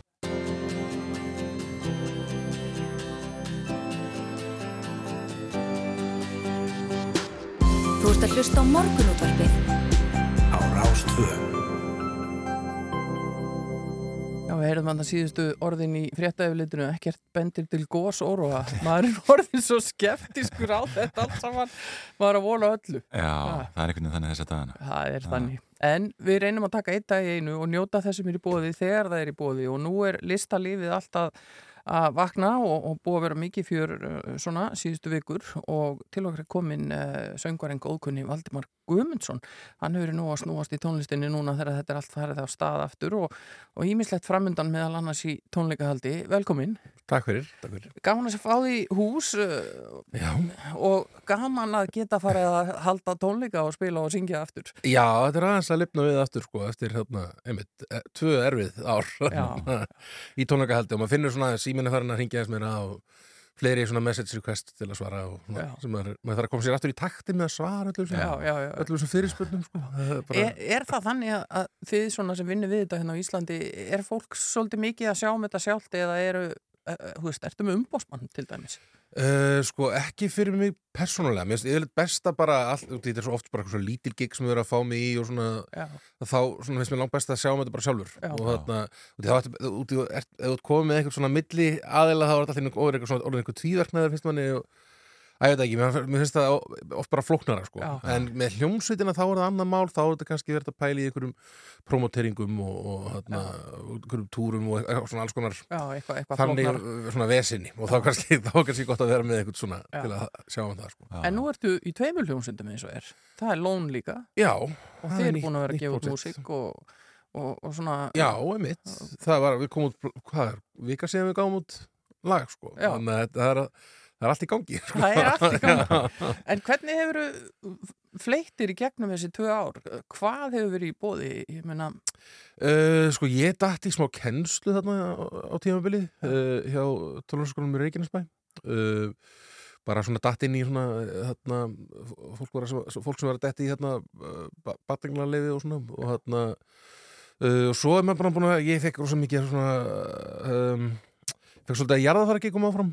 Skilur, það var svolítið svona finnst að seti jarðafara gig er er ekki að maður söngi í jarðaförum og þarna og, og það er búið að vera, er búið að vera alveg brjálað að gera í því núna síðustu vikur og, og þarna, um, en það var svona eina sem held áfram að. Að dett inn sko Já. og, voru þau, þau gig sko Já. en þarna, það er eini rauninni fastin- hérna manni svona gangandi svolítið sko Já, en að því hún nefnir jarðaferðnar, þá sá ég nefnilega fæslu á Facebook í vikunni. Já. Þar sem að maður sem hefði verið viðstáttur í jarðaferð þar sem þú varst að syngja var að lýsa upplifuninni. Já, og, já, já. Og það var nú bara eitthvað skonar, eitthvað guðlegu upplifun nánast að hlusta á því syngja við þessa Já, ég, ég, já, ég skrítið að heyra heyra eitthvað svolítið en, þarna, en bara mjög, ég hef einmitt búin að sjá þessa fæslu sko, þarna, þetta er bara mjög fallet að lesa og þarna, gott að heyra þarna, En hvernig gerur svona, þetta? Ég er alltaf að velta þessu fyrir mér hvernig fólk, að því það er erfitt að fara í jarðafarir oftast Já, já. og stundum mjög erfitt, það geta verið bara erfiðar aðstæður og fólk sem Mhm. deyr fyrir aldur fram uh, Ég dáist alltaf að tónlistafólkinu sem getur staðið þarna uppi og inn í þessu, þessu andrumslofti og, og sungi bara frá hjartanu og komið þessu frá sér. Hvernig Já. undirbyrðið þið fyrir þetta? Þetta er sko já, nú, nú, nú maður kannski orðin pínu svona eitthvað, í sjóaður eða eitthvað í þessu en hérna, þetta er alltaf bara smá svona, ég hugsa bara með mér, já, ég er hérna að veita hérna þjónustu og ég hérna um, og bara hugsa svolítið bara, hérna, já, ég, það er hérna um, þau vildu mig til að gera þetta fyrir sig og hérna og hérna að ég veist- ég veist eitthvað skrítið að segja þessi gaman að gera þetta, mér veist alltaf eitthvað svona smá svona það er eitthvað svona digðið í þessu svona, það er eitthvað svona maður er að veita eitthvað rosalega góða svona þjónustu fyrir fólk. Og, þarna, og ég bara lít svolítið bara fer svolítið svona reyni að se- setja mikið að, of mikið inn í ég reyna að hlusta sem minnst á minningar orðin svo ég sé ekki alveg of, svona orðin of einhvern veginn Mhm. í mósunlega en stundum getur það getur það verið erfitt maður, maður svona, ég hef alveg brotnað í, í, í lögum sko. En þarna að ég veit ekki, maður reynir, reynir bara að setja sig í, í hugafar, nú ætlum ég bara að syngja þetta lag og, og gera það eins og ég get. Já. og bara svona vera bara þar svolítið. Þykir kannski bara vænt um að fólk skuli leita til þín á, Já, á, á alveg. svona stund. algjörlega, mér finnst það mikill, mikill heiður sko Já. En það er nú léttari gig framundan því að, Já. að, að hljómsveitin í uh, Valdimar sem Já. að uh, náttúrulega hundra þúsund sinnum búið að koma fram er ekki nefnd í höfuð að því er heldur á afæðinum Já, þeim mikla meistara Jú, jú. að uh, þið ætlið að fara að spila aftur líka Já, við erum að fara að spila núna bara um helgina uh, bara í kvöld í, í bæjabíu og morgun á Pattís í Keflavík Mhm. og, hana, og bæjabíu í Hafnafriði og hana, já, aðeins að koma okkur aftur í gang eftir smá svona, svolítið svona hana, já, það búið að lítið að gera sístu, sístu tvö árin Já. en hana, og já, gam, og gaman við tókum æfingu núna bara um daginn sko, í fyrsta skipti langan tíma og það var bara hvernig þetta er alltaf náttúrulega svolítið í vöðamuninu og fannst bara gaman að hitta svo spjallað eins og svona, og þetta var svona já, held að vera svolítið gaman að svona, detti í Já. að fara að gigga aftur, svo erum við, já, svo erum við líka á Akureyri rétt fyrir páska og svo náttúrulega eru svo stórir stóru amalistónleikarnir í, í Loksins, 23.. þeir eru eins og Palli þú veist, sem er að halda upp á 50 ára ammælistónleikana sína núna Já, loksins já, hún já, 50 pluss. hann er 52 ára. En hvernig verður 12 ára. sumarið síðan? Uh, sumari, já það hérna sko við verum við, við í Lón erum að fara að taka smá hérna við erum að fara til Ameríku að spila í, í Kansas og, og Denver Já. Já. og það verður rosa svona ævintýri, eitthvað svona, svona borgir sem er einhvern veginn svona það fer ekkert kannski ekkert oftast, ekkert vola oft til eða ég ger ekki ráð fyrir, þó að sé reyndar mér skilst það sem bein flug til Já, Denver já, en- það er beint hluti Denver og ég mæli með Colorado, ég átti heima á þar í nokkur ár og, og stórkostlegt svæði. Já, ég hlakka til að, að kíkja sko og, að- að- og vonandi fæ maður eitthvað tíma til að skoða og hérna uh, þannig það er hérna, já, Lón er að fara hérna, okkur svona fólk þetta er eitthvað fólkfestival hérna í Kansas og uh, held ég svona Íslandst uh, svona listafestival hérna í, í Denver um, og svo, jú, svo er, alveg, svo er ég að fara þegar maður er eitthvað frí hérna og, en Já. svo eru eitthvað brúðkaup og svona Já. alltaf brúðkaupin mest á sömurinn sko og þá ertu aftur komin í svona stóra stund í lífi fólks en, en Já, kannski einmitt. alltaf aðra stemmingu Já, svona, einmitt, aðeins léttar yfir þeim hérna, Já. yfir þeim aðtöfum sko og hérna en er alltaf mjög gaman að, að gera mikil, mikil gleði og svona já, ég er alltaf er hérna er þetta alls konar lög sem fólk er að byggja um til dæmis í brúköpum eða er þetta svona einhverju standardar svona, já, þetta er svona það er svona nokkur lög svona, já, ég, skal, ég get alveg sungið ást þarna, Já. eða, eitthvað svona þannig eða, eða með þér eða eitthvað svona þannig en, Já. og, og oft er ég beðin um líka þú ert mín það er svona, Já. það er svona mitt svona ástarlægi sem fólk þekkir, þekkir frá, sem ég sungið Einmitt. en þarna um, en svo er þetta bara allur gangur á því hvað fólk, fólk velur og stundu það maður aðeins að svona heyrðu, já, þetta er kannski svolítið svolítið flókið við erum að syngja þetta en, en svona en, en maður reynir sér best alltaf. En þið, eru í bæjabíó í kvöld og svo er það pattís í Keflavík á morgun og Já. þar eru menn kannski svolítið að fara bara aftur í rætunar. Já, það er svolítið þannig og ég þarna, einmitt, fyrstu tónleikarnar okkar voru á einmitt, og okkur, við, alltaf, okkur hefur alltaf fundið svolítið, það þótt svolítið vænt um um, þarna, um þennan, þennan, þennan bar sko, og, þarna, og þetta er, er ekki voðalega stórt og þetta, verður bara svolítið Sveitt. pakkað og sveitt og, og mikið stuð sko, gerir, gerir ráð fyrir að vera svolítið djam og bara, þetta er svolítið svona fara aftur í, í, í rætunar þetta, sko. Ert spenntur í heyrið að þér. Já, held að það er bara svolítið gaman sko. ég er svolítið sér að bara var í einhverju svona, svona miklu stuði sko. þetta verður bara En eitthvað eftir að, að miðum í kvöld ef, að, ef að fólk vil Eh, rífa sig að stað? Já, mér skilst það að segja eitthvað svolítið eftir að miðum á, í kvöld Já. í bæjabíu, ég veit ekki hvernig staðan er á, á Pattís eins og er, en þarna en það verður alltaf Já, Þar- fólk getur þar á tekstúluna og tjekka á á bæjabíu Það verður allavega, sko það eru sæti í bæjabíóin á Pattís, það er bara ítt inn hongað til að hurðin lokast ekki. Já, já, þetta er svolítið þannig sko Þetta er svolítið, maður er að taka sko nýja heimabæin sko í kvöld og, og gamla heimabæin á morgun sko. Þannig að maður er er flytið inn í hafnafjörðin sko í já, Ok. næsta mánuði sko Þannig að Stutt þetta hann á er bara milli, gaman. þannig að hérna, þetta er mjög, mjög kósi. Já. Greinilegt að, að þetta er alltaf að fara á fljúandi ferð og, og það eru tónleikar í kvöld í bæjabíó, Pattís á morgun, svo er það ammælistónleikarnir 23. apríl Já, í Eldborg. Já, og, og græni á hvað, 13. Já, líka. Þetta er bara, það er allt í gangi sko Það er allt að gerast. Það var gaman að fá þig og skildir hafa tíma til að kíkja til okkar einnig Já, í, í morgunútdarfi. gaman, að- gaman að kíkja Og við hendum okkur að sjálfsögðu í hljómsveitina Valdimar og heyrum lag sem heitir Sín. Takk fyrir að kíkja á okkur. og takk fyrir mig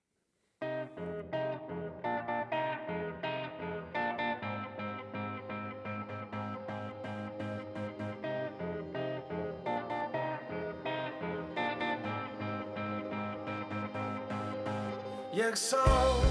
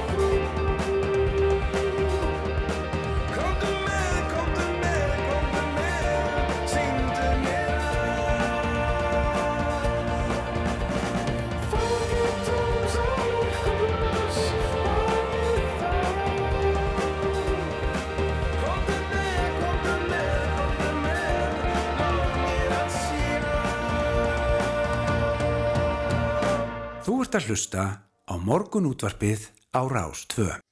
Jú, jú, við ætlum að halda áfram í tónlistinni yngvar. Við erum komin í svo mikið gýr fyrir helgina að við viljum bara vera í einhverju spennandi og skemmtilegu og, og, og láta okkur hlaka til og það er Æsland Airwaves sem er næsta umræðu efni. Það er ætluninu auðvitað að keira hátíðina í gang að nýju í haust og til okkar er komin Sindri Ástmansson, darskrástjóri Airwaves. Velkomin. Takk. takk Uh, sko, það er búið að ganga á ýmsu Erveis, sko, það er búið, það er búið að fresta, hætta við streyma, gera alls konar Mhm. en nú stefni bara í alvöru sveita hátíð Já, nú ætlum við bara að tróða fólki saman og setja ofan okkar annað og bara afbrjóðlega stemmingu. Nei, Já. hérna, jú, við auðvitað þurftum að fresta það eins og svo margir aðrir í þessi tjóri röð og náðum að halda svona litla útgáfi af hátíðin sem köllum Life from Reykjavík í staðinn og, og streymdum út um allan heim og, og það var vissilega mjög bara skemmtilegt og, og öðruvísu verkefni en, en við getum ekki beðið eftir að fá fólk inn á staðina og gera alveg verið tónleika aftur. Já, þetta verður bara erfis með hefðbundnu sniði, loksins aftur. Já, bara brjáli stemmingi miðbæ Reykjavíkur og nú erum við bara á fulli að, að tala við allt og alla í miðbænum og, og reyna að magna upp stemminguna allan daginn og, og hérna verðum á svona, þessum flestum hefðbundi stöðum og gaman að sjá sumarstæðir komin aftur eins og húra og, og fleiri sko, nýbúið að taka yðn og í gegn og, og við verum í listasafninu og þessum hefðbundi stöðum sko. Já. En það var svona, voru gerðar aðeins breytingar á hátíðinni uh, fyrir tveim, þreim árum mm. þegar, þegar hún færðist yfir til senu Uh, bæði svona bara þurfti að endur með þetta, þetta vegna þess að það var ekki að ganga eins og, eins og það var uppsett og kannski svona sprungið í ýmsar áttir. Akkurat. Uh, Þannig að við erum svolítið komin aftur í, getum við sagt bara gömlu góðu erfis. Já, sko, við auðvitað náðum að halda svona tvær hátíðir í, á, á, á fullu blasti hann 2018 og 2019 og, og við fundum það 2019 að svona við vorum að komnir með þokkalega góða blöndu á hvernig á að gera þetta og, og sem sagt að því að það skiptir uh, líka rosalega miklu máli fyrir hljómsveitinar að þær fái sem besta upplifun, þær fái aðgengi af bransafólkinu sem eru að koma til landsins Mhm. og að það sé fólk inn á tónleikum þannig að, þannig að við erum búin að finna þessa fullkonu blöndu að því hversu margir staðir, hversu margar hljómsveitir þannig að allir sem komið fram fái góða tónleika Mhm. Já, já, einmitt.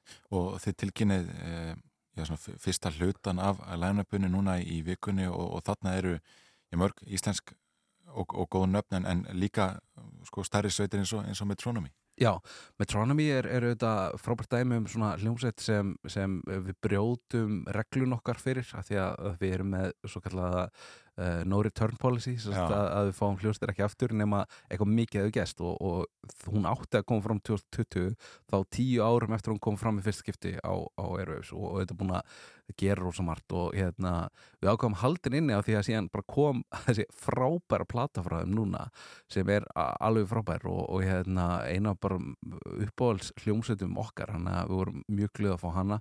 Sömulegis eh, Amelinda Sniffers og Arlo Parks þetta er svona, svona með stærri nöfnunum sem verða í ár og, og svona sjáum fyrir okkur, þetta eru stórir eh, hérna, tónleikar í, í, í listsamni Já, en við þekkjum líka að, að þið hafi verið svona nösk á að einmitt að finna hljómsveitir sem eru svona alveg að fara að verða rísar Já. og við höfum náða að njóta þeirra svona rétt áður, þú veist, það er mörg svona dæmi, mér, er til dæmis mjög minnistæði tónleikandi með Michael er svona Mhm. gott dæmi uh, við getum átt vonu eitthvað svona líka. Já, algjörlega. Og hérna við erum líka glöð eins og, eins og, eins og til dæmis með Arlo Parks nefnum hann aftur af því að, að þegar við bókuðum hana fyrst fyrir tveimur ánum þá var hann auðvitað ekkert orðin svona vinsal en við vorum mjög glöð að þau voru til í að koma af því að, að því hún er lengur hægt að spila svona sjókisáttíðum sko. Að, þannig að það er mikil gleði og, og við höfum verið mjög duglega að fara á hátíðar erlendis og, og sjá svona hvað er að koma frá öðrum löndum, sérstaklega Európu Mhm. og, og við búumst því að bjóða upp á fullt af, af nýju og, og, og skemmtilegu efni sem, sem svona verða næsta upp á hljónstin ykkar Já. Hvernig verður fyrirkomulagi á þessu? Er, sko, nú man ég ekki hver, hverju var frestað og hverju var slaufað og hvernig það var, er eitthvað, eitthvað að miðum sem fólk á síðan einhver tíman Já. sem gilda? Já, já, það var að þannig að á fólk sem átti bæði miða hátíðinu 2020 og 2021 sem heldu í miðana sína fyrir Mm. 2022 þannig að uh, það er ákveðið luxusvandamál að fara af stað með fullt af miðum seldum sem við hefum aldrei gert aður þannig að, að líka svona kannski ástæðan fyrir við að að en en, um, það er ótrúlega gaman uh, sérstaklega af erlendu gestunum hvað eru margir sem heldu í miðana sína Já. og, og ákveðu bara að skipleika nýferðalög tveimur árum síðar þannig að uh, við sjáum það að það er, það er, er þetta, þessi hátíð á svo rosalega uh, trygga aðdóndur alls það er í heiminum. Mikið af fólk sem kemur ár eftir ár og, og við sjáum það á að við erum, við erum mjög glöða að taka mútið þessi fólki aftur og, og búin að fá mikið af skilabúðum frá, frá fasta Já. hvað eru glæðir að, að geta loksist komið aftur. Þannig að ef þú átt miða frá, frá 2020 þá, þá gildir hann á gildir hátíðina í ár. Já, algjörlega. En þá- ennþá hægt að fá samt miða. En þá þetta var með Já. heldur betur og, og svona það sem við ætlum að gera líka þegar nær dregur þá setjum við dagspassa í sölu af því að, að við finnum það svona eins og með Íslendingana að það er, það er kannski sumir sem eru orðin aðeins eldri sem eiga erfitt með að kannski uh, að fara öll þrjúkvöldin og, og þá að getur þú farið kannski laumast eitt kvöld Já. að það er allir smá erfis Já. já, einmitt. Ég er hann hundgömmul en ég er, er nú samt lagt þetta á mig. Maður er þá bara að plana maður í frí hérna fjórðadag Þetta er náttúrulega alveg einstöku upplifun og það er líka þessi ólýsanlega erfif stemming sem er einhvern veginn um allan bæ Já, akkurat. Við, ég var að tala um daginn, sko, þetta er svona smá eins og við sem að flytja inn stemmingu af því því að þetta er eitthvað sem, sem við, ég held að við Íslingar getum aldrei skapað bara við sjálf nýri bæ. Það er svo mikið af svona af, af bara fólki, menningarlega þengjandi fólki sem kemur til landsins og, og, og setur svip sinn á bæinn en, en líka auðvitað bara fyrir marga Íslandinga þá er þetta og sérstaklega tónlistafólk ég held að þetta sé sá tími sem íslenski tónlistamenn fara á fleiri tónleika og sjá uh, kollega sína. Já. og, og það er einhvern veginn mikil stemming og ég hef nú verið að vinna með íslensk tónlistafólki lengi og ég veit að þetta er rosalega sérstök helgi í, í lífið þeirra Já, mikil, mikil upplifun og mikil gaman. Eh, Ég laka til að komast aftur á Airwaves í haust og, og það er auðvitað bara hægt að fylgjast með áframhaldandi tilkynningum á, á vefnum ykkar og, og miðlunum. bara við ætlum að fara strax í april í næst kynningu og, og svo bara höldum við áfram að kynna nýja listmenn Já. Takk fyrir að kíkja til okkar, Sindri Ásmásson, dagskrástjóri Æsland Airwaves og heyrum hér í, í einni af stóru stjórnunum á hátíðinni ár sem er hún uh, Arlo Parks og þetta lag heitir Caroline. Takk fyrir okkur. Takk fyrir. I was waiting for the bus one day. Watched a fight between a artsy couple escalate. Strawberry cheeks flushed with defeated rage. Then he spilled his coffee as he frantically explained. Maybe if you took a bribe.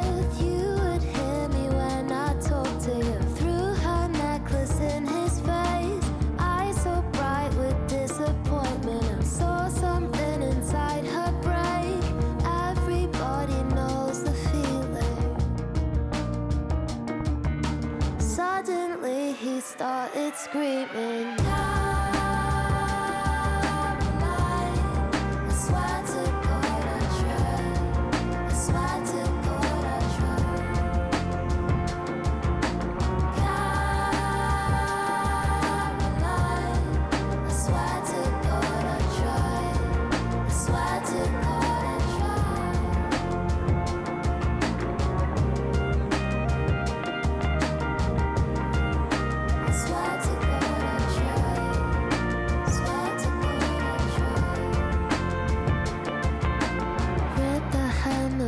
Her as she ran, panicking and weaving through the crowds on Oxford Street.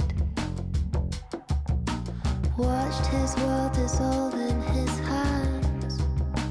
Tried to roll a blunt and put his head between his knees.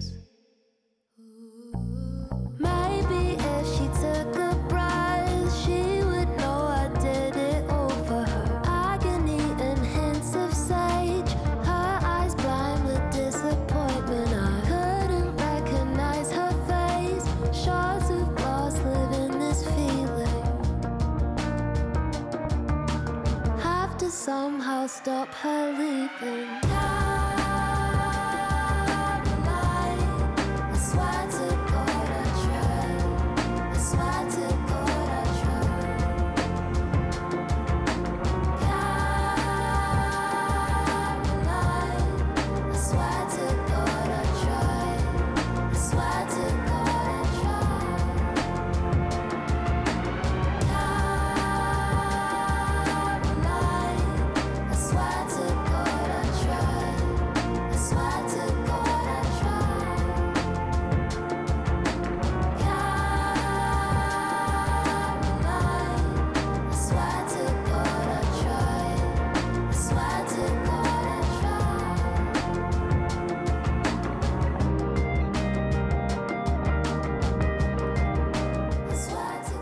Parks sem verður hér á Iceland Airwaves í haust. Ég laka til að vera gaman að sjá hana á sviði en það er komin tími til að kveðja Yngvar Þór. Já, já, við erum búin að fara við það í þættinum í dag. Við rættum uh, íþróttaðastöð á Ísafyrði hér í byrjun þáttar. þar á að, já, vonandi að, að reysa uh, íþróttahús mikið.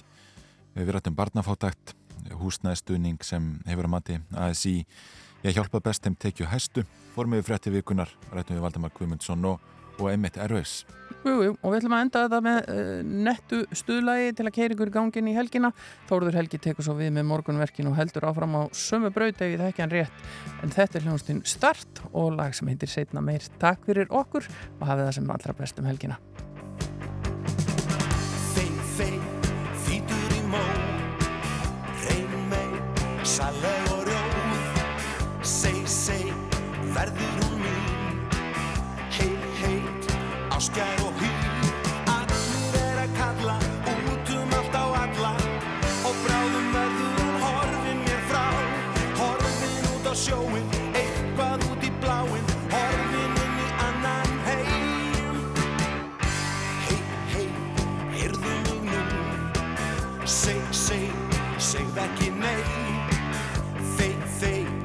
está de alma.